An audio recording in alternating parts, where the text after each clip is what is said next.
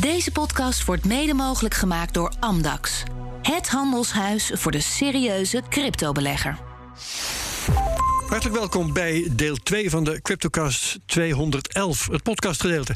In het eerste deel hebben we het gehad over het laatste crypto-nieuws. Dat vind je als de vorige aflevering 211a. En nu gaan we doorpraten over blockchain en gaming met Aragorn Meulendijks. Hartelijk welkom. Dank je. Chief Marketing Officer bij BeamUp, het bedrijf achter Your Open Metaverse. Fantastisch. In de radio-uitzending zei ik het nog verkeerd. Dus ik neem nu de gelegenheid te baat om het goed te zeggen. Co-host is Krijn Soeterman. Hoi Krijn. Hoi. Cryptojournalist en auteur van de Crypto-encyclopedie. En voor we beginnen het volgende. De cryptomarkt professionaliseert.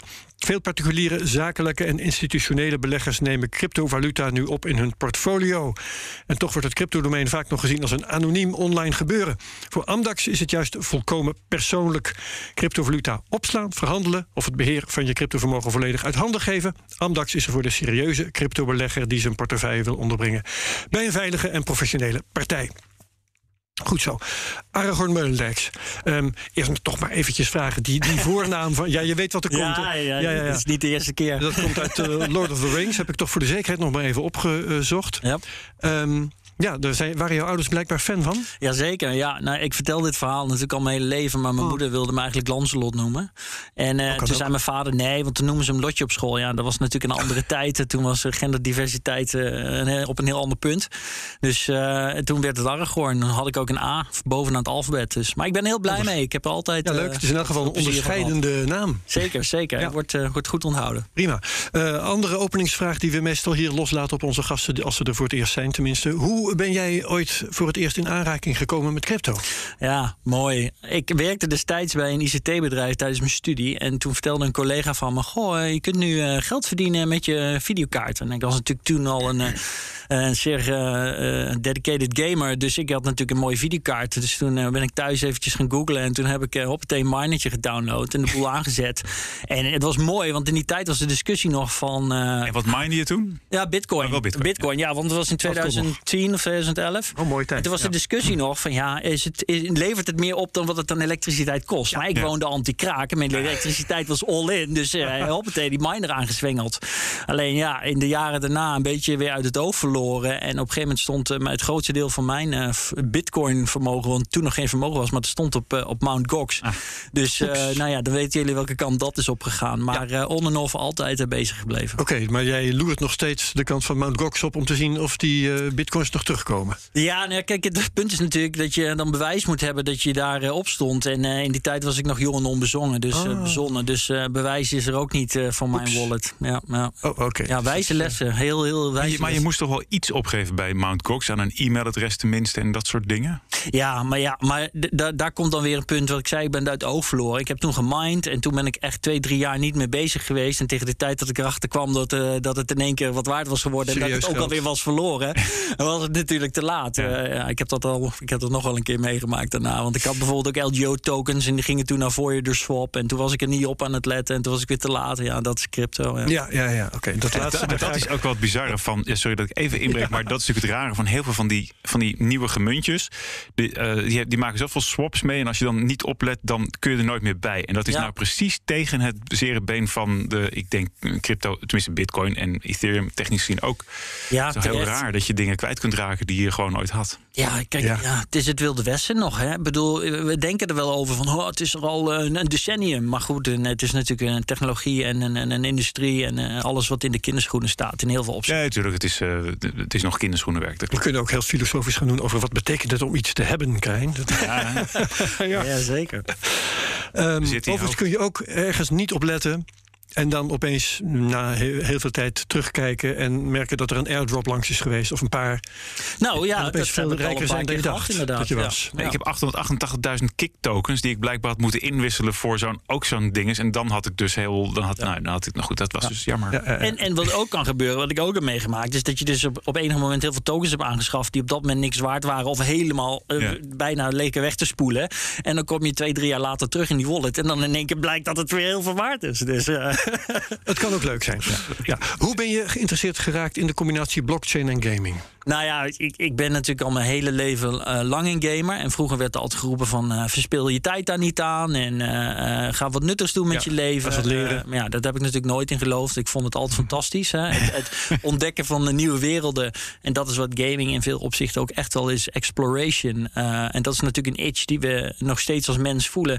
Maar die in deze wereld steeds minder ge- gescratcht kan worden, zal ik maar zeggen. Nou, dan hebben we de SpaceX's van deze wereld. Dat is naar buiten toe. Maar gaming is naar binnen toe.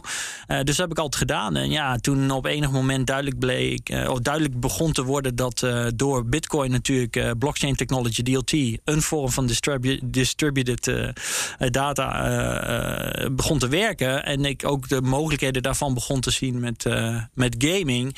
Toen werd ik wel enthousiast. Ja, nou heb ik ehm, eh, al eh, dus bij- tijdens Second Life, dat was in 2005 of zoiets, denk ik. En, en trouwens ook daarvoor nog, Project Entropia herinner ik me. Ja. En meer van dat soort eh, games waarbij geld een rol speelde. Nou, goed, gamers konden geld hebben. Linden, dollars in. Linden dollars en dat soort zaken. Ja, ik vind het wel en grappig. gold. Ja, sorry. Wat was En nou ja, waar, waar ik naartoe wil is ehm, om geld te hebben in games en dus ook geld te verdienen als gamer. Heb je geen blockchain nodig? Bestond toen helemaal niet. Nee, ja, dat heb ik al vaker horen zeggen, inderdaad. Ja. En, eh, en toch eh, ehm, is het natuurlijk zo. eh, kijk, eh, ja, ik vind Second Life niet altijd zo'n goed voorbeeld. Het, het is eh, een, een realistische versie van een MMO, een multi, uh, massive multiplayer online Ja. game. Maar als je World of Warcraft neemt, wat natuurlijk een veel groter succes is geweest, hebben miljoenen, miljoenen, miljoenen spelers in gezeten. Of als je EVE Online pakt, waar nog steeds honderden miljoenen spelers in zitten, Ja. dan zie je dat, daar, dat er toch heel veel geld van die in-game currency sorry, verdiend wordt. Ehm, en gebruikt wordt. Maar het punt is nu dat op het moment dat je dan stopt. Hè, ik heb pas bijvoorbeeld mijn World of Warcraft subscription voor, eh, voor de laatste expansion ingestopt. En eh, ja, ik had nog 3 miljoen goud in die game. Ja, dat is, de, de hele hoop gamers in die game die worden er helemaal wild van. eh. maar maar ik, ik heb het nu en wat moet ik ermee? Dus Kun ik je heb het dat maar niet, weggegeven. Ja, niemand die nog wel speelt. Kun je dat niet inwisselen tegen dollars? Want ik meen dat dat bij die Linden dollar in dat geval wel gewoon kon. Er was een, hoe noem je dat, Nou, een de- omrekenkoers Ja, het, en een het, beursje.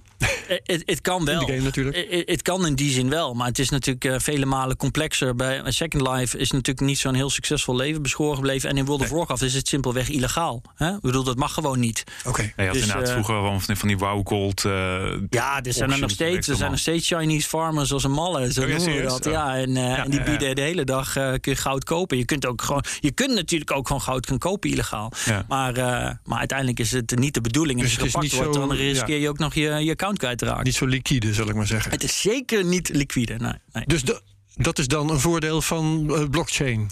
Dat is Eh, inderdaad of, één Of je game te baseren op crypto. Ja, dat op dat hetzelfde één- neerkomt. Dat is, dat is zeker een van de grote voordelen. Ja. Eh, het, het liquide maken van, van de middelen die je opbouwt. Ik bedoel, ik speel nu weer een aantal jaren een, een game genaamd Apex Legends. voor de fans daar buiten.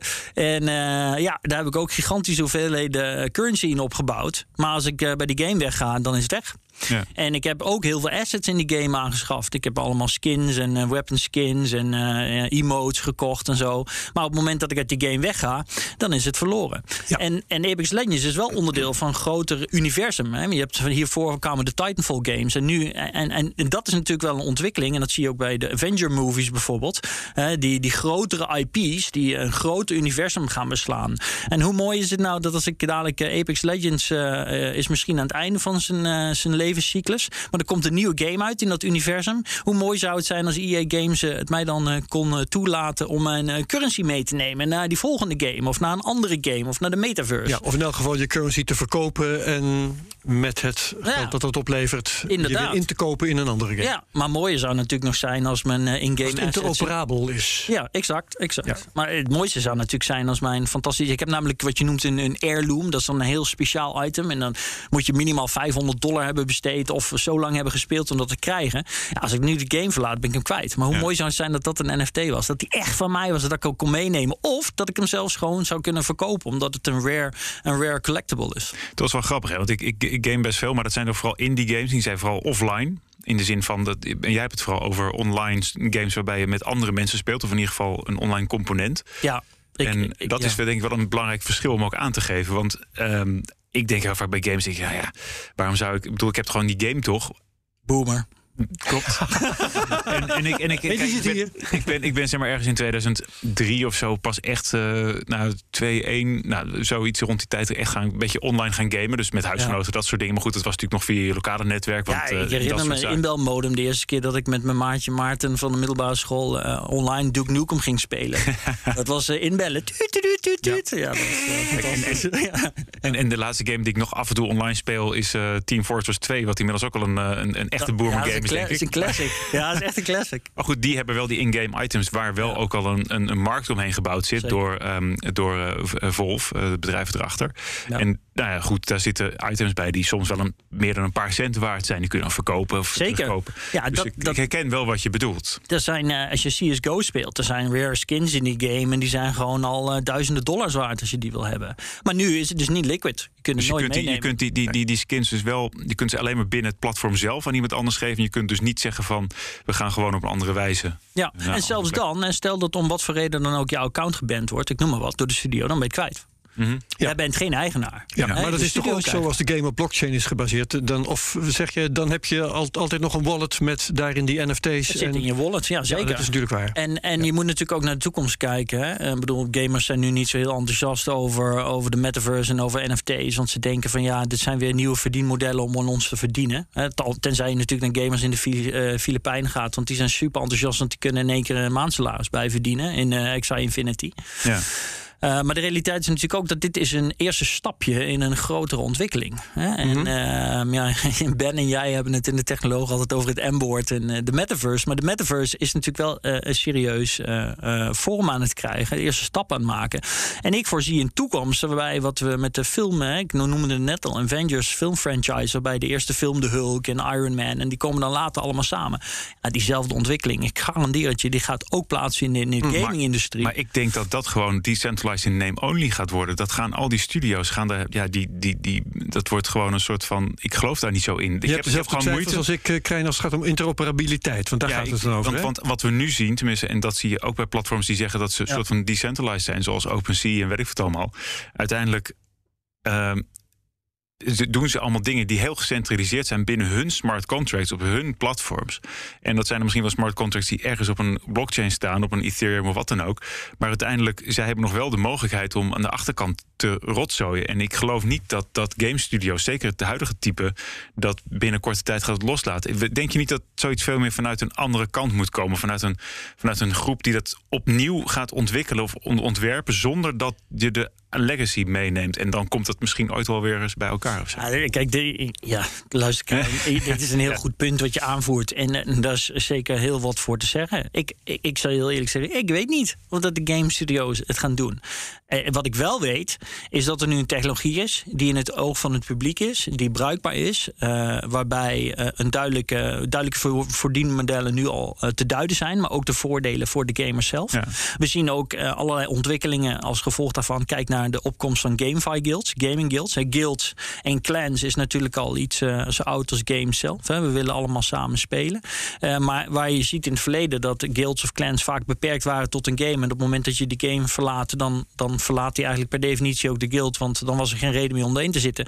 Zie je nu dat daar een overkoepelend fenomeen aan het ontstaan is. En, en ik zat vanochtend nog even te lezen, maar eh, een aantal van de top guilds wereldwijd, die hebben nu bijvoorbeeld al eh 350 miljoen aan, aan, aan assets die ze kunnen inzetten. Dus eh, als je net zegt van er moet er niet een andere eh, partij zijn die dit gaat drijven. Nou, ik zie hem daar al eh, ontstaan. eigenlijk zie je het zeg maar, ontstaan vanuit nou, grassroots uit kunnen noemen. En dan vind ik Ja. 350 miljoen niet heel grassroots terug meer klinken. nee, maar- ja, ja, dat bedoel ik dus. Maar zo Ja. hard gaat het dus al. Hè? Ja, maar dat, en, er- en er- er is toch Je krijgt nog alleen een grassroots beweging als er heel veel mensen Ja, dat klopt. Dus dat, technisch zien kan dat. Ja. Ja, eh, maar, maar eh, om het even samen te vatten, hè, we hebben dus eh, een, een, een hele hoop games waarin je dingen kunt hebben als wapens en kleding en ook gewoon geld. Ehm, NFT's bieden de mogelijkheid om die dingen liquide te maken. Dat is duidelijk. Dat is eh, een een relatief makkelijke stap. Een veel moeilijker stap, daar zijn we het geloof ik hier met z'n allen wel over eens, is om eh, dat allemaal interoperabel te maken.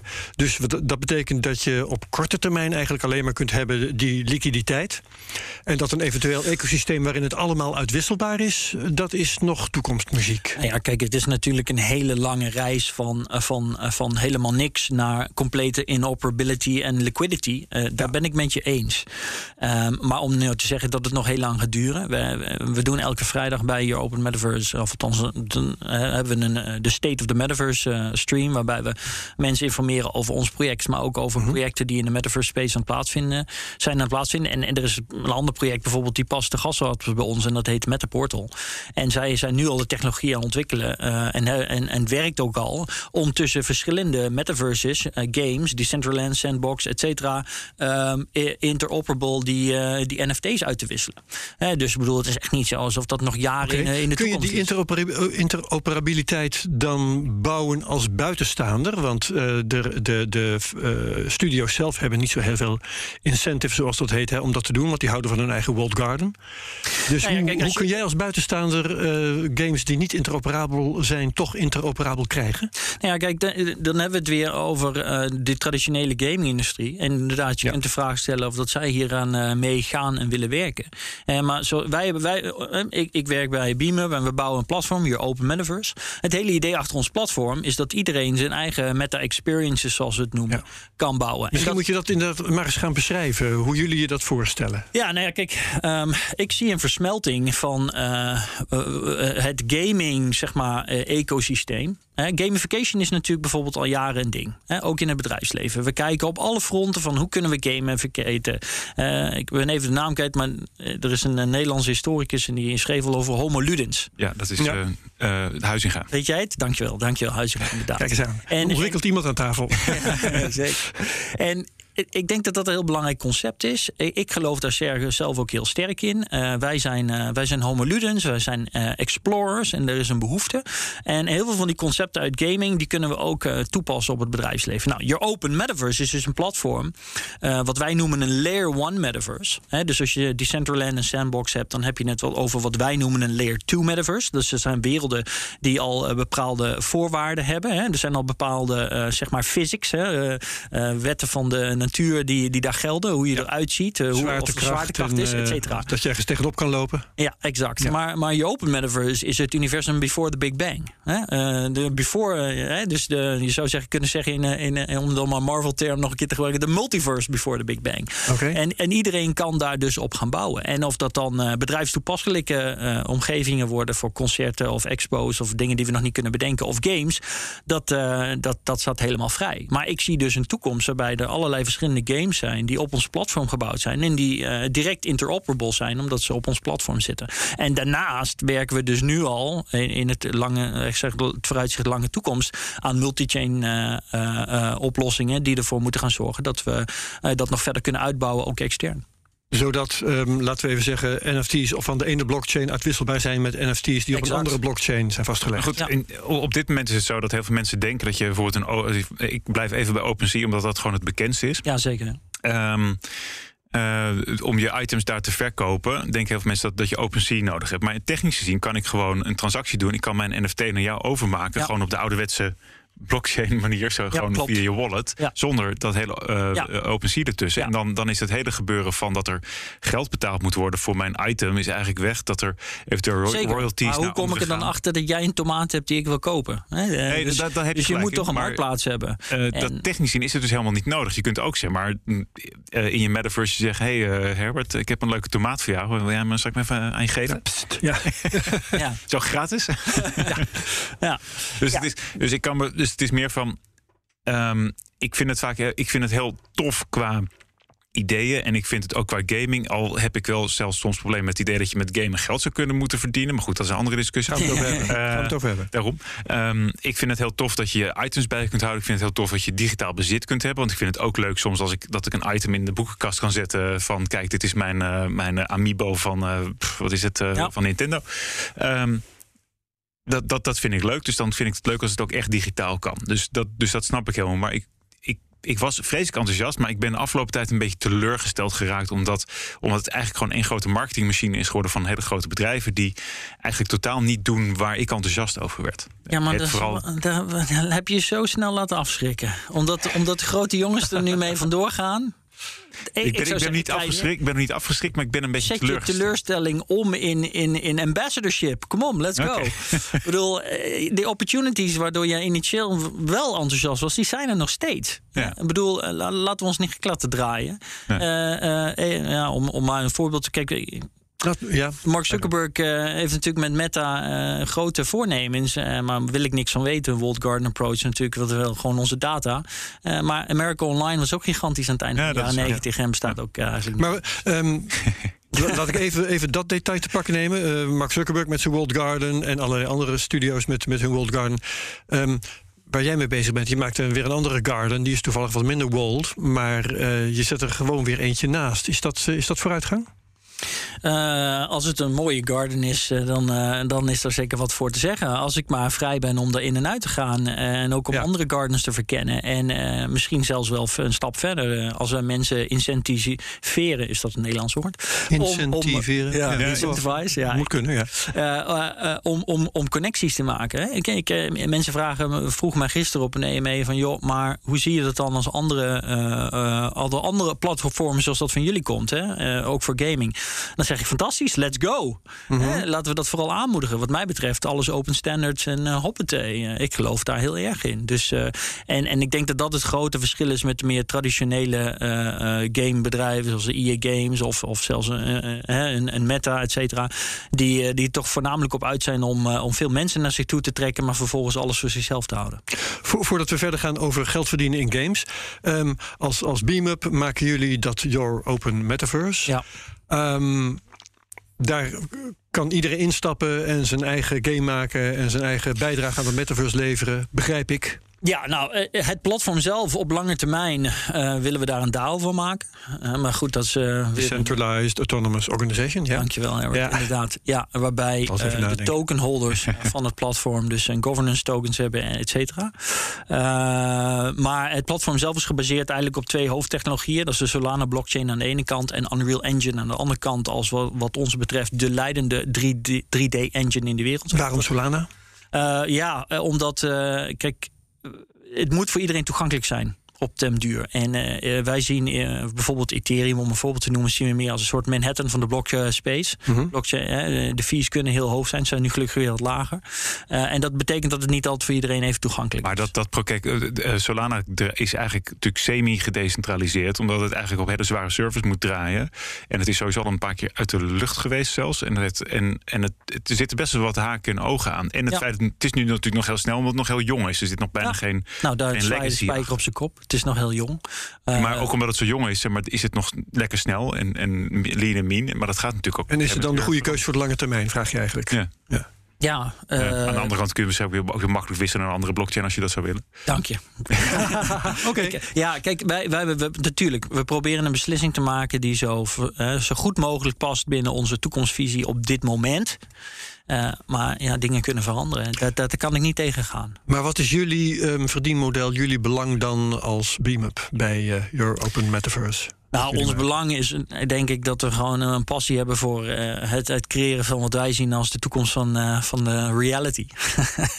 nee, maar je moet toch ook aan de kost komen? Uh, zeker, zeker, natuurlijk. Hè. Maar als het gaat om je open metaverse zelf, dan, dan is daar natuurlijk een, een, een mechanic in place. Als je in onze tokenomics kijkt, die ervoor zorgt dat er uiteindelijk geld terug instroomt, wat de hostingkosten, et cetera, dekt. En we hopen, we gaan natuurlijk vanuit dat. Ja, maar wie, gaan, wie betalen jullie dan? Dat. th- Sorry, wie betalen ons? Nee, wie gaat jullie betalen? Ja, ja nee, dat kom ik. Ja, BeamUp okay. zelf is, is, eigenlijk... Kijk, we hebben dus BeamUp, het bedrijf wat je Open Metaverse uh, uh, um, bouwt. Maar ons toekomstig verdienmodel is natuurlijk meer dat van de Digital uh, Agency of the Future. Waarbij wij content gaan creëren voor partijen. Dus we praten bijvoorbeeld nu met een mm. aantal grote brands. Die willen een meta-experience lanceren. Nou, als je dat op Decentraland doet, dan zit je dus op een Layer 2 Metaverse. Dus dat betekent dat je eigenlijk moet voor, voldoen aan de voorwaarden van die wereld. En dat gaat om virtual real estate. En mensen moeten dat er toch zien, uitzien als een soort blokkerige mensjes, et cetera. Maar in onze wereld hè, ben je volledig vrij om te bouwen wat je wilt. En dat biedt natuurlijk heel veel mogelijkheden. Maar eh, niet iedereen heeft die kennis en kunde in huis. Dus in die zin is het op dit moment nog een soort van Grand Prix. Hè. Niet iedereen heeft de resources om een Formule 1 team te onderhouden. Maar wel iedereen kan komen kijken als er een race is. En dat is het concept waarmee we eh, to market gaan initieel. En dan uh, later uh, moet het zo worden dat eigenlijk iedereen daar uh, op Wat kan. zie ik dan als gebruiker van, van zo'n metaverse? Zegt er is een bedrijf, eh, het bedrijf eh, BNR dat wil zijn, zijn eigen metaverse eventjes voor een event of zo. Wat, wat, Ja. wat, wat, wat kunnen we daar dan doen? Hoe werkt dat? Ja, alles wat je kan bedenken. Je bent gelimiteerd alleen door de Unreal Engine in dit geval. Dus dat Oh, betekent. en het is misschien wel even leuk om even een klein technisch uitstapje te maken. Unreal Engine 4 is een, is een game engine die een zeer realistische wereld neer kan zetten. Ja. Ehm, Het eh, zit al eh, bijna vijf, maar ja. ja, die, in ieder geval geroemd en al dat soort dingen. Aan de andere kant heb je daar op dit moment nog best een stevige computer voor nodig. Om het er allemaal mooi uit te laten zien. Dankjewel, Krijn. Ik ben blij dat jij hem aansnijdt. Gaan we, hoe ga ik dat als eh, ik, zit, eh, ik, zit bij een, eh, ik zit bij een ander bedrijf en we hebben gewoon onze simpele laptopjes. Hoe kan ik in godsnaam in die metaverse van jou een beetje leuk mee gaan doen? Hoe gaat dat eruit zien? Hoe, hoe ga ik meedoen? Ja, fantastische vraag. Ja, nou ja, ik, laten we Netflix als voorbeeld nemen. Om het even simpel te maken. Ehm, als er een nieuwe serie uitkomt, dan kunnen we op Netflix met miljoenen mensen tegelijk allemaal kijken. En dan blijft dat gewoon werken. En we hoeven niet die videoband thuis te hebben. We hoeven niet die eh, DVD, als mensen nog weten wat dat is, hoeven we niet thuis te hebben. Dat schaalt. Nee, dat schaalt, dat schaalt. En eh, Netflix heeft dat met name heel erg mooi gedaan. Eh, die brengen eigenlijk die data zo dicht mogelijk bij je huis. Maar het staat natuurlijk nog steeds op een soort van server location. Ja? En hier eh, hebben we een soortgelijke technologie. Eh, wij gebruiken pixel streaming. En dat doen we op top, eh, on top of de Microsoft eh, Azure stack in dit geval. Eh, wij zijn ook heel blij dat Microsoft eh, de- zo'n zo'n metaverse focus heeft. Eh, waarbij het dus mogelijk wordt om vanaf any device eh, tot die metaverse toe te treden. En toch de, de gra- graphic fidelity, zoals we dat noemen in de industrie, te behouden. eh, die je eh, tot, op, tot op heden eigenlijk alleen hebt gehad als je thuis achter een super krachtige computer zit. Ja. Oké. Ehm, je hebt in feite uitgelegd dat jullie nog geen geldverdieners meer iets voor de toekomst.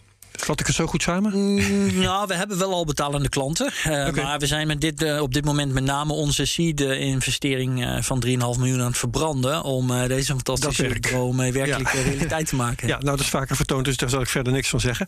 Ehm, nou ging het verder, daar zouden we het over hebben. eh, dat eh, kwam net al eventjes aan de orde over geld verdienen met games. Hè. Ja. Geld verdienen in games. Krijn heeft iets van waarom zou het eigenlijk moeten? Want eh, spelen is toch ook leuk? Nou ja, als je poker speelt, is ook een spelletje. Dan verdien je ook geld mee. Dus het is, eh, je- Ja, Oh, ah, kan. hij begint al om Ja, te slaan. Hij begint al om te Want slaan. dat is typisch iets waarvan pokerspelers, waarvan pokerspelers zeggen... dan wordt het pas leuk, hè? Eh, Dan, dan wordt het pas spannend. ja, maar zo eh, is het in gaming ook. en ik kan er heel slecht tegen. Ik wil niks met geld te maken hebben eigenlijk. Ja, maar word ben jij. zenuwachtig van. Ja, dat klopt. Dus Ja, maar is iedereen zoals jij? Nee, waarschijnlijk niet. Gelukkig niet zeggen. Het zou, het zou een mooie wereld worden. Ik, eh, Maar toch is het zo, hè, om dat bezwaar dan meteen ook maar eventjes in, in de groep te gooien. Eh, toen Ubisoft het probeerde, NFT's in hun games, Ja. was het Ja. huis te klein. ja, Want toen kregen ze het verwijt voor de voeten geworpen van hun gamers. Eh, Jongens, jullie verdienen al genoeg Ja, aan goed. ons, hou eens even op. Ja, maar goed, zo is het natuurlijk altijd. Ik bedoel, Mhm. in 1998 vroegen we mensen: wil je een mobiele telefoon? En eh, toen zei iedereen: nee, dat moet ik niet, want dan word ik gebeld op de fiets. En ik heb een antwoordapparaat. Guilty. En ik ben niet altijd. Ja, precies, dat bedoel ik. Dus, bedoel, wat heb je daar? Je hebt een mooie Fairphone, toch? Absolutely, ja. Ja, precies. Nou, kijk aan. En je zit achter een mooie Acer laptop. Dus eh, Ja, weet je, eh, mensen kunnen roepen dat ze het niet willen. Maar dat komt eigenlijk, in mijn ervaring, meestal voort uit het feit dat ze niet goed begrijpen wat de werkelijke potentie ervan is. Eh, ja. en dat hebben we nu Zo ook. er al iemand is op zo'n moment die dat weet. Hè? Want bij, toen de iPhone kwam, wist zelfs Steve Absoluut. Jobs niet wat er allemaal mee zou gaan gebeuren. Nee, zeker, zeker. Ik bedoel, ik, ik pretendeer ook. Mensen vragen me altijd: ja, maar Argon, waar gaan ze de metaverse en waar gaat het dan naartoe met gaming en blockchain? En dan zeg ik: ja, weet je, eigenlijk heel eerlijk, ik weet ook niet. Het Nee, enige wat ik dat beter doe dan een ander is dat ik er meer over fantaseer. Ja, nou, dat, dat vind, ik, vind ik wel leuk dat je het, dat je het zo samenvat. Ehm, maar goed, ehm, wat, wat voorzie jij dan? Niet, niet alles, het zal allemaal anders uitpakken natuurlijk. Maar wat voorzie jij dan dat gamers gaan doen? Nou ja, kijk, ik, ik denk dat we. eh, we gaan natuurlijk nu een periode in. Er is nog steeds weerstand vanuit de meer traditionele gaming-industrie. Ubisoft ging eh, iets te hard. Dus die hebben nu iets op de, de rem gedrukt. Maar ik denk dat je zeker in de, in de komende jaren. Ga je een, uh, een trend zien waarbij de eerste games gaan experimenteren, denk ik, met het koppelen van hun game of hun gaming-ecosysteem aan een blockchain. Nou, er zat volgens mij nog een ander belangrijk ding bij dat Ubisoft gebeuren. het werd uitgebracht op Rarible, geloof ik. Ja. Um, en het was op de Tesla blockchain. Ja. Oké, dat, is, dat is allemaal oké. En dan kom je bij het volgende. Het was landgebonden. Ik kon in Nederland niet zo'n item kopen. Het waren trouwens stomme wapens waar ik verder niks aan had. Want ik speelde die hele games niet. Maar ik ging natuurlijk toch kijken hoe het werkte. En dat kan dan niet. Ja, dan denk ik van dan, dan, dan sorry, mind blown. Wie, wie zat ook weer in die regio DVD's? Uh... Ja, het is eigenlijk om te huilen natuurlijk. Het is eigenlijk natuurlijk vreselijk. Uh, aan de ene kant is de intentie van Ubisoft zo goed geweest, denk ik dan. Uh, maar degene die het hebben uitgevoerd en die keuzes nee, hebben gemaakt, die hebben er niks van begrepen. Ja, dat is natuurlijk. Dan zaten er toch weer mensen die te veel in oude verdienmodellen opgesloten zaten. Ja, ja één stap dus... naar voren, twee stappen terug. Ja, ja. zeker. Ja, dat is, dat is natuurlijk heel erg naar.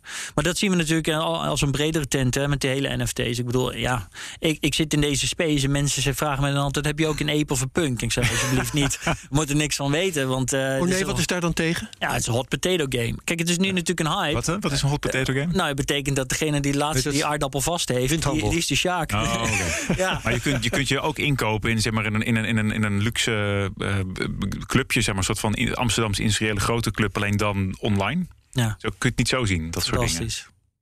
Ja. zo zou, zo, ja. Nou, kijk, nou, zit daar de scepticus op. Ja, dat, ja. Zo zie je, maar je moet, dit, dit soort gesprekken moet je ook hebben. Kijk, je moet het, het, hebben. het hangt heel erg vanaf wat de. Dit is ook zo'n term uit, uit natuurlijk de crypto-NFT's, dus de utility is. Hè. Uh, een hele goede vriend van mij, uh, Mimo, die, uh, die heeft een NFT gekocht van Gary Vaynerchuk. En dan mag die, krijgt hij elke De wijndeskundige. Ja, en dan krijgt hij, ja, en, en, en natuurlijk de wijndeskundige, maar met name natuurlijk uh, de CEO van uh, Vayner Media. En je mag van hem vinden wat je wil. Uh, maar die man die begrijpt bepaalde dingen wel heel goed. En, en als je hem zijn NFT he hebt, dan krijg je elk jaar een cadeau gebaseerd op de value van die NFT's op dat moment. maar je krijgt ook elk jaar FaceTime met hem. Dus dan mag je in een groepje met hem bellen. Ja. Er zijn heel veel mensen die vinden dat super waardevol. Hè? Dus die zijn super blij daarmee. Kijk, en dan denk ik, ja, dat is, dat is hartstikke mooi. Ik geef toe dat ik de Kings of Leon NFT heb gekocht en daarvoor ook nog zeg maar, een fysieke LP thuisgestuurd heb gekregen. Nou, ja. En ik heb hem uitgepakt en ik dacht, ik heb hem en ik ga niet het stomme ding in zijn plastic laten zitten. Maar goed, dat geldt terzijde. Een old school LP ja. dankzij een, uh, een NFT. NFT. Ja, dat, ruimt ook nog. Prachtig. Ja, nee, oh ja, laat dat maar aan mij over. Ik, ik, ik vind dat super mooi. En dan denk ik, ja, de, de, de focus is. Aan de ene kant is die focus op die apes en die punks is natuurlijk goed. Want daardoor krijgt het aandacht en stimulans en gaat er geld naartoe.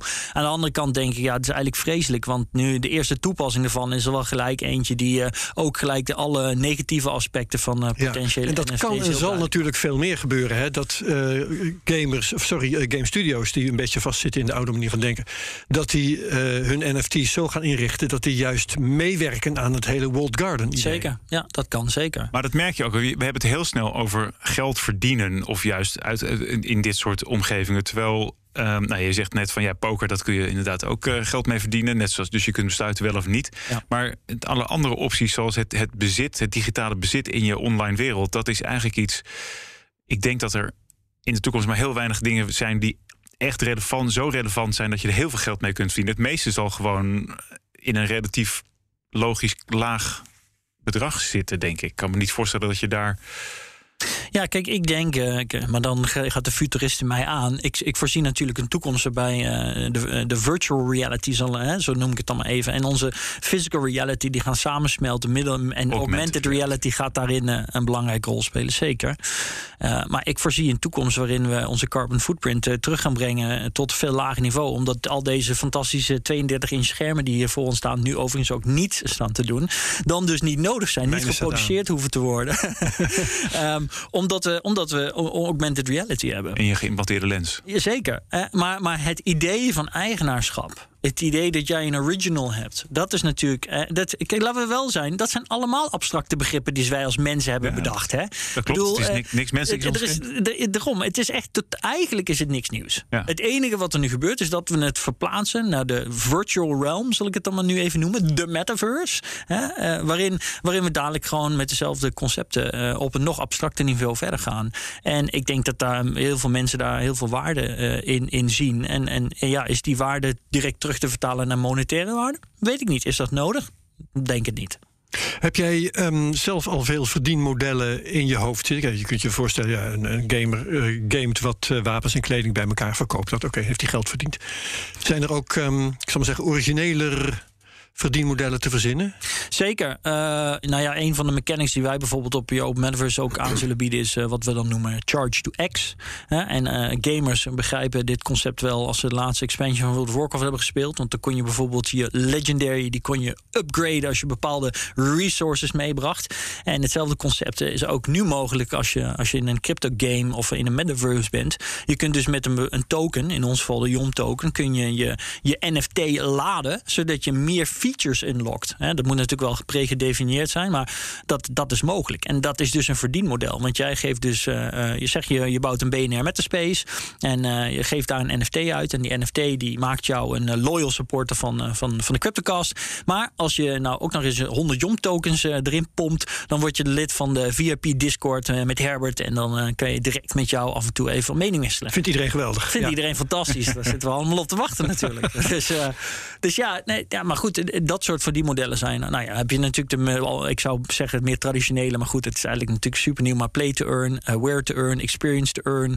maar mm. dat is dan meer een verdienmodel aan, aan de gamerskant. Hè? Maar de, goed, daar is een interactie, uh, speelt daar. Ik, ik ben zelf daar niet vreselijk diep ingedoken, want ik vind al die dingen. Dat, dat, ik heb tenminste, ik ken een paar gamejournalisten en die vinden dat vooralsnog allemaal dramatisch slechte games. En ik begrijp dat dat is natuurlijk een, een, een, een dat moet je natuurlijk opbouwen. Ja, kijk, dit is maar, allemaal voorkeur. Ik bedoel, er zijn nog steeds. Nee, dat begrijp ik. Maar er, er zijn gewoon dingen. Er zijn dingen die Tetris is een extreem goede game, juist omdat het precies is wat het is. Exact. Net zoals uh, Counter-Strike ooit een extreem goede shooter was. En mensen het liefst met zo min mogelijk uh, mooie beelden speelden, want dan kon je sneller. Um, zo geldt het wel voor meer van dat soort games. En ik heb in het verleden ook wel op de Komodo blockchain. Uh, uh, wat, wat, wat, wat, wat blockchain games gespeeld. Maar dat waren eigenlijk allemaal nog, um, uh, nog in, je, in je console eigenlijk. En dan, ja. Maar goed, dat, dat, daar, zat, daar zat allemaal gameplay in. Dat, dat leek veel meer op die, die eerste internetspelletjes... waarbij ja. alles text-based was. Ja. En dat was ook heel spannend.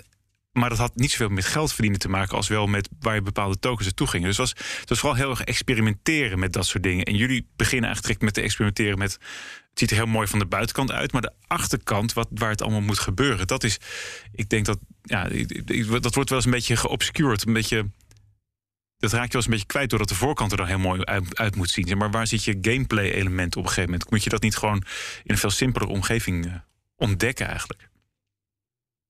Dat je eigenlijk denkt van ja, leuk hoor dat het allemaal heel realistisch uitziet. Maar eigenlijk heb ik er niet zoveel aan. Niet. Nee, ja, ik, ik ben het met je eens. Maar ik denk dat voor ons is de focus niet dat het er realistisch uit moet zien. Ja. Um, alleen nou, wij... Wat ik jullie op jullie site zat te bekijken en zo, dat was een, ik zat een beetje rond te googlen natuurlijk. Ja, nee, nee, heel goed, heel goed. Dat snap ik ook helemaal. Nee, ik, ik denk, kijk, voor ons is de insteek heel duidelijk. Um, wij zien precies hetzelfde wat jij net omschreef. Dat al die initiële uh, games, metaverses, GameFi stuff is gewoon heel erg basic.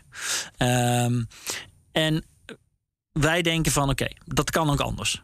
En tegelijkertijd, uh, we hebben uh, Rob werkt bij ons. En Rob is een, game designer, level designer, game, game mechanics. Uh, en daar is een hele goede reden voor. Dat is natuurlijk een ontzettend belangrijk aspect. Ja. Die kennis, die ervaring, die bestaat er al. Dat is ook waarom wij voor een metaverse bedrijf toch eigenlijk voornamelijk huren of, of, of recruiten in de game wereld. Ja. En, en inderdaad, het is jammer. Als je naar veel van de uh, GameFi-projecten kijkt, dan zie je dat ze erin zijn gekomen vanaf de cryptokant.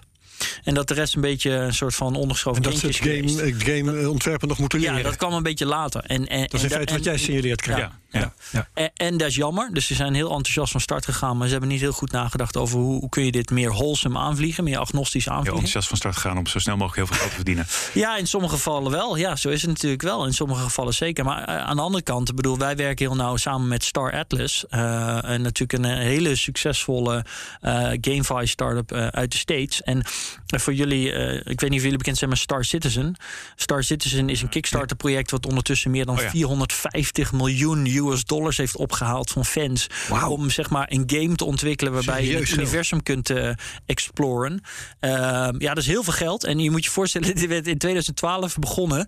En, en tot op de dag van vandaag, de game is niet af. Het is nog steeds in beta. Er okay. zijn allemaal losse onderdelen.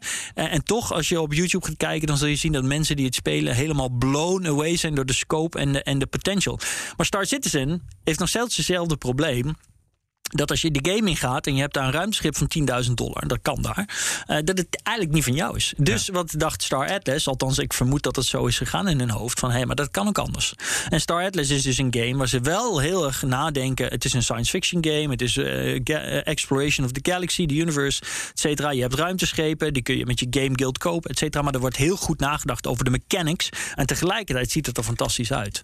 Nou, dat soort projecten kunnen ook gewoon op je open metaverse en, en wij doen er ook alles aan om te zorgen dat daar vanaf dag één over nagedacht wordt. Want op dit moment zijn we natuurlijk nog een gatekeeper voor onze eigen platform. Uh, en uh, willen we met de brands die daar als eerste op van slag gaan, uh, de vetste ervaringen of games aanbieden. Dat, dat hoeven niet games te zijn, maar dat, dat zal natuurlijk in sommige gevallen wel zo zijn. Ja, um, even een paar algemene vragen. Hè? Als je met crypto omgaat, dan, nou, wij zeggen dat hier in de CryptoCast ook elke week, dan heb je te maken met risico. Ja. Um, ik heb de indruk dat als je als uh, gamer of game designer um, in een dergelijke context geld gaat verdienen, dat het eigenlijk wel meevalt. Je krijgt misschien je poen in de vorm van crypto, maar uh, het kan wat op en neer gaan. Maar het is niet zo dat je ook erop kunt verliezen. Uh, nee, nee, nee, in die zin niet. Maar ik denk dat als je de gemiddelde uh, gamer vraagt. Uh, God, nou ben ik even de naam kwijt. Maar er zijn van die games die zijn super hardcore. Als je dan één keer doodgaat, dan ben je alles kwijt. Oké, okay. dat was vroeger ook en, was. Gewoon direct helemaal weer opnieuw moeten beginnen ja, met. Ja, ja. ja, ja en ja, die game mode is nog steeds heel erg, heel erg populair. Toch bij een, ja, een bepaalde subgroep. En ik denk dat als je die mensen vraagt, kun je veel verdienen. Dat ze zeggen ja. Maar nee, maar in wezen kun je dus ook gewoon gamen en heel weinig risico lopen. Ja, maar dan moet je wel wat je doet goed kiezen. Want ik begrijp uh, uh, wat jij zegt. Ja. Dat onder sommige omstandigheden dat risico van alles kwijtraken dus wel kan zijn. Ja, nou ja, kijk, als je kijkt naar XI Infinity, wat natuurlijk een hele succesvolle crypto game is. Ik speel het zelf niet, ik vind er geen moer aan. Maar goed, uh, uh, uh, ja, maar daar zie je dus dat er kan een soort van voorinvestering zijn om een bepaalde character te verkrijgen in die game. Ja. en ja, dat moet je natuurlijk wel kunnen veroor, veroorloven. En als je dan, ik weet niet of dat in XI Infinity zo is, maar als je dan een game hebt waarbij je bijvoorbeeld ook je characters zou kunnen verliezen, dan is dat verlies dan natuurlijk potentieel wel. Maar daar zie je dus dat die hele game guild. Goed, dat is dan een groep die dat, die dat leuk vindt en, en die spanning wil Precies, hebben. Het is een keuze. Ja, het is een keuze. En uh, you got to have some skin in the game. En uh, ik denk juist uh, wat dat betreft, want ik krijg, je hebt natuurlijk een paar keer aangegeven van ja, maar gamen, werken, moeten we dat willen? Ik denk juist dat het is een keuze. Het blijft een keuze. Mensen kunnen daarvoor kiezen. we hebben in Europa best wel, of in ieder geval in Nederland, hele goede regelgeving op dit moment als het gaat om het zorgen dat er niet gegokt kan worden in games en dat soort dingen. Dus om, om de, de consument te beschermen. En ik denk dus dat zolang we dat met z'n allen op een wijze manier aanvliegen, en wij spelen daar natuurlijk een actieve rol in. Het is ook onze verantwoordelijkheid. Zo zien we dat als organisatie ook onze verantwoordelijkheid om daarin uh, het voortouw te nemen en dat goed in te richten. Dan is het dus nu, wordt het een mogelijkheid naar de toekomst toe om echt skin in de game te hebben. En dan gaat natuurlijk het level of excitement gaat wel omhoog. En ik denk dat games daar alleen maar bij gebaat zijn. Ja. Ik bedoel, er springen niet van niets uh, tot op de dag van vandaag mensen uit vliegtuigen met de parachutjes op. Oh. Uh, ik dacht een hele andere kant op. Maar. ja. Nee, maar het is natuurlijk heel, wat ik wil aangeven, het is heel menselijk om, ja. om die excitement en de, en de, potential risk is ook wat het zo interessant maakt. Uh, ik ga nog een vergelijking maken. Um, het. Het internet heeft uh, hele mooie mogelijkheden geschapen voor uh, mensen die creatief bezig zijn. Je kunt je eigen boeken uitbrengen. Ja. Weet je wel, je kunt als muzikant, je kunt je eigen muziek uh, opnemen en verkopen. Je kunt je eigen video's maken en daar een verdienmodel op loslaten via YouTube of wat dan ook. Maar wat zie je in de praktijk? Dat een hele kleine toplaag met, uh, er met de buit vandoor gaat. Uh, grote bedrijven ja. er met de buit vandoor gaan. Want die ja. weten dat dan op een, gege op, even, op een gegeven moment ook wel weer te, te gamen, zou ik bijna zeggen. um, nou ja, wij... Het lijkt me logisch dat dat ook als het om gaming uh, en blockchain games en dergelijke en metaverse uh, gaat, dat je daar uh, hetzelfde uit de bus komt. Nou ja, ze kunnen het natuurlijk proberen. Maar wij zijn bijvoorbeeld op dit moment bezig met een, en ik mag helaas de naam nog niet noemen, maar met een, een, een, vrouwelijke Nederlandse DJ. En we gaan haar career tokenizen. En hoe zich dat dan exact gaat uiten in een meta experience. Dat is nieuw. Ja, ja dat is nieuw. Ja, ja maar DJ is niet zo moeilijk te googlen. Dat je aandelen in haar, dat je aandelen in haar kunt kopen. Ja, in wezen, ja, in wezen kun je dus dus als, als fan betrokken zijn bij haar carrière, daarin investeren met een potential upside naar de toekomst toe. Uh, mails tokens. En zij gaat op onze Your Open Metaverse, zal ze dan haar eigen meta-world hebben of meta-experience, hoe je het wil noemen. En in die meta-experience kan het dus zo zijn dat je dan in de toekomst, als je tokens hebt, dat jij naar haar concert kan. Of dat je VIP kan zijn bij haar concert. Maar het kan ook zo zijn dat ze dadelijk een game gaat ontwikkelen met haar muziek. Hè, uh, waarbij je daaraan deel kan nemen en dan zelfs nog weer haar tokens kan verdienen. En daarmee haar kunt supporten ja. en kunt groeien. Dus daar zijn allerlei fantastische Klinkt ontzettend origineel en spannend. Maar ik vraag me wel onmiddellijk af, en vergeef me mijn, mijn sceptisch. Um, overleggen jullie dit soort dingen met, uh, noem eens wat, de autoriteit financiële markten, autoriteit consumentenmarkt? Ja, dat, dus, ik ben blij dat je dat vraagt. Nou, overleg is misschien een, een groot woord. Maar wij hebben er heel bewust voor gekozen om onze token in Nederland te lanceren. En daarom hebben we ook onze Token Generation Event uh, recentelijk uitgesteld. Uh, want in Nederland is dat een gigantische pain. Uh, ja. Het is heel lastig. want je moet er allemaal beleidshoepeltjes heen springen. Regulering, en ja. regulering, ja, et cetera. maar wij hebben ervoor gekozen om die pijn nu te pakken. Om zeg maar, ja, to, hoe zeg je dat in het Nederlands? pave the road for everybody that comes after us. Ja. wij gaan gewoon de weg te banen. Ja, wij gaan de weg te banen. Dat is het inderdaad. En op lange termijn helpt dat ons ook. Want wij willen bijvoorbeeld met je Open Metaverse richting einde van dit jaar naar een Series A toe. En dan is het natuurlijk wel mooi om echt te kunnen laten zien dat je beursgang. gewoon. Ja, beursgang. Dat je gewoon een legitieme business bent. En dat je er alles aan gedaan hebt om dat op een transparante, legitieme manier neer te zetten. Dus, ja. ja. Oké, okay, dat, is, dat is heel interessant. Ja. Um, zijn er nu al uh, blockchain games die heel succesvol zijn? Welke zou je noemen? Ja, uh, Xi Infinity noemde ik net Ja. al. Uh, is er natuurlijk uh, misschien wel de grootste. Uh, Crypto Kitties is er ook een. ik zou ook niet uh, nooit willen spelen. Helemaal niet. Uh, ik heb een paar hele oude. Ja? Ja. Oh, je hebt ze nog. 17. Oh, je hebt, ja, je hebt. Crypto Kitties. Ja, ja, ik ga nooit wat weg. Hold Nee. on to it. Hold on to Maar it. serieus, want, Niks meer waard. juist, dat wou ik weten. Want. Nee. op, een, ge- op een gegeven moment worden ze misschien uh, wat waard door zeldzaamheid, of is die hoop ook vervlogen? Ik weet het niet. Ik heb generatie 5, 6, geloof ik, helemaal van het Ja. begin. Maar dat weet je, ik bedoel, dat was toen al. Dat, dat vond ik dan toen, zeg maar, die, die 5 euro vond ik al te veel. Nou ja, het zal niet veel meer waard zijn op dit moment. Ja, en, en dat is trouwens wel interessant, uh, Aragorn. Want um, er circuleerde net over de redactie een um, uh, document, een onderzoek. Oh ja, uh, dat is van Forbes.com. Je hebt het vast gezien. Interest Ja. in NFT's and the metaverse is falling fast. Ja, ja, ja. Wat moet je daarvan zeggen? Kijk, De hype cycle. Nou, ja, hype cycle. ja. Ja, dankjewel, Ja. Het is gewoon hype cycle. En eh, weet je, wat mij betreft is dat ook prima. Eh, want eh, als we dadelijk weer een lekker dalletje hebben gehad... dan kunnen we tenminste weer lekker pieken. Dat is, dat is jouw overtuiging, dat het gewoon weer terugveert. Eh, daar ben ik zeker van overtuigd. Ja, natuurlijk. Kijk, na, na Activision Blizzard aankopen van Microsoft... en Zuckerberg's announcement vorig jaar... was het natuurlijk echt peak of the peak. Nou, daar hebben wij fantastisch van geprofiteerd. Ook als je Open Metaverse. Want wij stonden letterlijk het faillissement in de ogen te kijken... toen eh, Zuckerberg zijn aankondiging deed... en de quote ons opbelde van... mogen we jullie artikel waar nooit op gereageerd was... door geen Living Soul, mogen we het eh, herpubliceren met, eh, met Metaverse in de titel? Nou, toen stond de telefoon rood gloeiend. dus eh, ja, ik ben daar heel dankbaar voor. Ehm, ik zie ook dat de dromen die ik al vanaf mijn jeugd heb... nu verwezenlijkt eh, worden. Eh, maar ik denk dat ook niet meer... je kunt niet altijd eh, op de piek zijn. Dus eh, laten Nee. we gewoon blij zijn dat het nu wat Ja, dus- afneemt... en dat we weer... eh, Wat rust in Beeld is wat rust in de tent, ja, consolideren. Eh, Precies, we hebben nu geld. En, en dat is voor ons ook heel belangrijk dat we daar nu echt iets... We, we willen ook graag echt een werkend product. We willen laten zien dat het kan. Eh, we willen anderen overtuigen dat het kan. Dus dat is prima. Ja, Dus, dus eh, die teruggang van u, daar komt... ik, ik vertaal het maar eventjes, komt door die stomme board apes... waar helemaal niks achter zit, allemaal, alleen maar stomme Het begon natuurlijk ooit met een ding van Beeple, denk ik, hè? Ja, ja, ja, zeker. Mm. Ja, ja, Hetzelfde verhaal. Ja, het gaat best wel al een hele poos terug. Ja, 2011 21 begin, toch? Nou ja, ik geloof dat het eerste, wat nu dan NFT's genoemd worden, maar toen waren ze nog niet eens zo bekend. Oh, we zijn al in 2017. Ik geloof dat de eerste punks, die kon je in 2017 al kopen. Alleen toen is het heel lang helemaal stil geweest. En nu zijn die dingen. Ja, en toen heette het ook nog niet eens NFT's. De, de, de term is vrij laat gemind. zo ja. maar te zeggen. ja, mooi. Ja. Nou, dat weten we zo net niet. Want we hebben in, uh, in, in, in 2018 al een podcast gemaakt met Hubert-Jan van Roest. Ja, heet, maar Eh, noemde dat- toen al NFT's? Ja. Ja, non-fungible tokens. Het zit, het zit wel vroeg al zeg maar, in, het, ehm, in het begin, zeg maar, in EOC 7 en 20. En op een gegeven moment, dat kun je natuurlijk allemaal volgen op GitHub. Die, eh, en op een gegeven moment wordt het woord NFT gebruikt, non-fungible token. En dat is toch vrij laat, relatief gezien. Ja, dan heeft niet iedereen. Kijk, eh, die eerste Cryptocast, dat luistert natuurlijk nog niemand naar. Maar leuk, dat eh, even opzoeken. Ja, dat, uh, we kunnen hem wel in de show notes zetten, ja. Daniel. Dat uh, zeg ik even tegen de redacteur achter het glas hier zo.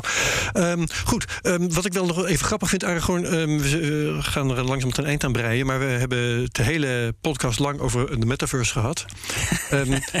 wat versta je daar eigenlijk onder? Want het is een woord en het gaat over de toekomst. Maar ja. wat is nou wel en wat is niet een metaverse? Is er één metaverse? Dat is een andere vraag, Herbert. Je, je, vroeg eerst wat, je vroeg eerst wat versta je onder de metaverse. En toen zei je wat is het wel en wat is het niet. Dat zijn twee verschillende... Ja, geef Kijk, maar eens een antwoord. De, de metaverse voor mij, uh, en dit, dit zullen de meeste mensen zo niet uh, direct zeggen als je die vraag stelt. Maar de metaverse uh, verandert hoe wij als mensen met elkaar en met de realiteit omgaan. Uh -huh. Uh, uh, dus dat, dat is voor mij de essentie. En, ja, wat is het dan? Ja, het is een, kijk, uh, aan de andere kant is het een paradigma, een, samenkomst van, van allemaal gigantische, impactvolle technologieën. Artificial intelligence, blockchain technology of DLT technology in dit geval. processing power, virtual reality, augmented reality, distributed load technology. Je kunt eindeloos doorgaan. Maar die dingen die komen nu allemaal op een level van zeg maar adolescence, maturity. En die komen allemaal samen en die zijn allemaal een kruis bestuiven. Nou, we hebben gezien ja. met het mobiele internet, uh, uh, flat screen technology en mobiele telefonie eind jaren negentig, wat dat allemaal tot gevolg kan hebben en hoe dat onze levens compleet kan veranderen. Ja. En ik denk dat de metaverse wordt dezelfde ontwikkeling, maar dan een factortje 10 en dan uh, ja. nog wat sneller. Maar is er één metaverse of heeft elk bedrijf zijn eigen metaverse? Heeft ja, dat is kijk, zijn eigen. Ja, dat is een goede vraag. Kijk, dat is natuurlijk een ding, want nu wordt die term overal rondgegooid en ja. uh, ook uh, voor 90% alleen nog maar als marketing tool gebruikt om aandacht te trekken. Dat is, dat is jammer, maar goed, dat hoort erbij. Um, wat mij persoonlijk betreft en waar wij in geloven in, bij Your Open Metaverse is dat uiteindelijk er is één metaverse. En binnen die metaverse, en net zoals in de universe, zijn er. Het is een multiverse. Ja? Mm -hmm. Dus er zijn verschillende galaxies en er zijn verschillende zonnestelsels en, en er zijn verschillende planeten, ja. et cetera. En, en dit is een ecosysteem wat gaat groeien bovenop onze realiteit. En uh, ja. Dat is één grote, dat is een fantastische nieuwe ontdekkingstocht. Ja, heb jij nog met een, het, ja, nee, ik heb geen vragen meer. Nee, nee, nee, nee, heb jij nog iets te melden, uh, sorry Aragorn, wat wij hadden moeten vragen en niet hebben gevraagd? Nou, wow. Of iets anders wat je nog kwijt wil. Of ik nog iets kwijt wil. Nou, nee, volgens mij hebben we alles al gehad. ik vond het een fantastisch gesprek. Ik, ik, uh, ik, hoop dat jullie denken, die moeten we nog een keer terugvragen. nou, ik ben benieuwd. Daar is alle reden voor als we over een, uh, een jaar of zo uh, willen weten wat er van geworden is. We denken van, uh, we horen niks meer van dat metaverse. Of, of juist, nou goed, precies. Dus alles is mogelijk. Ik, ik heb wel een vraag voor jou, Herbert. Ben je nog even sceptisch als wat ik in het verleden heb horen zijn... op de technoloog en, uh, en ook in de crypto? Jawel, want dat ben ik uh, beroepshalve. En dat ben ik vanuit mijn hele persoonlijkheid.